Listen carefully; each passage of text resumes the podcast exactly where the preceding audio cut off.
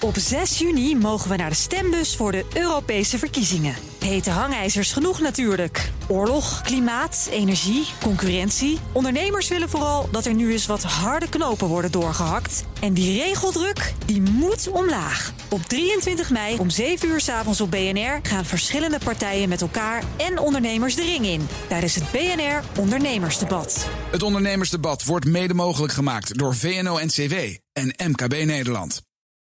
De column van Ben van der Burg. Twee uur s'nachts stak de Amerikaan Robert Wilson de straat over naar het huis van zijn collega Paul Milgram. Hij bonkte op de deur, drukte ongeduldig op de bel en riep Pauls naam. Robert wilde hem wekken omdat beide heren de Nobelprijs voor economie hadden gewonnen.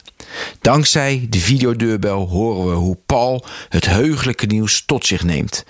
Het aandoenlijke tafereeltje ging de hele wereld over.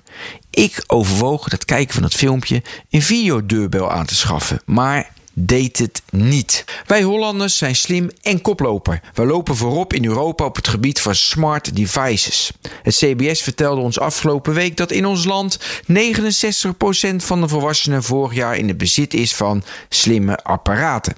Het EU-gemiddelde bedroeg 8%. Onze voorsprong danken we aan de aanwezigheid van slimme watergas- of elektriciteitsmeters in onze huizen.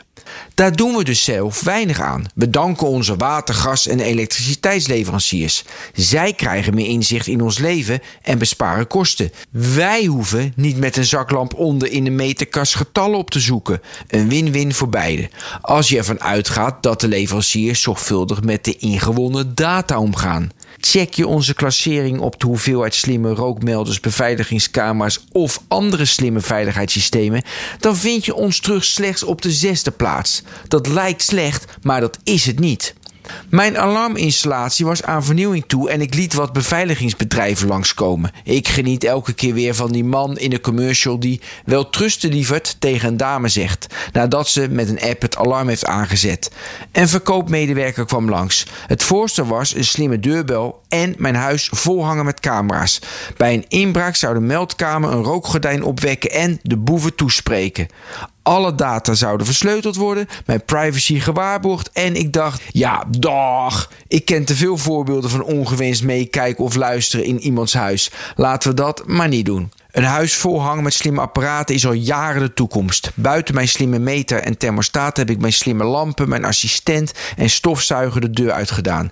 Ik ben sceptisch over de privacy en beveiliging op dit moment. Argumenten die ook een kwart van de respondenten noemt waarom ze niet voor smart gaan. En dat is toch jammer. We willen namelijk smart zijn. Door te weinig oog en aandacht voor privacy en security blijven we echter stupid. And that's not mooi.